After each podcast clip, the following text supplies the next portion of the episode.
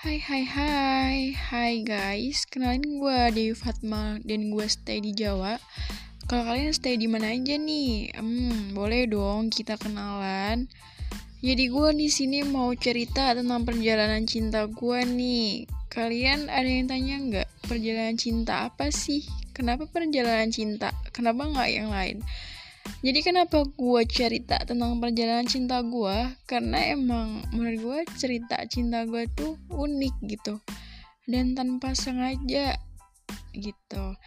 Jadi buat kalian yang penasaran, uh, eh, gue akan menceritakan dari mana gue kenalnya dan sampai detik mana aja nih buat kalian biar uh, jadi inspirasi ya kalau emang kenalan di dunia sosmed tuh emang bener adanya gitu.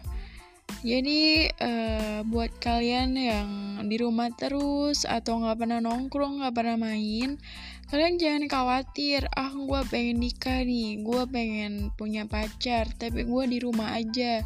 Apalagi buat para cewek-cewek yang biasanya uh, malu buat keluar, mager buat keluar kayak gitu. Kalian jangan khawatir. Kalian gak usah bingung dan oke deh, langsung buat ceritain aja ya. Gak usah basa-basi.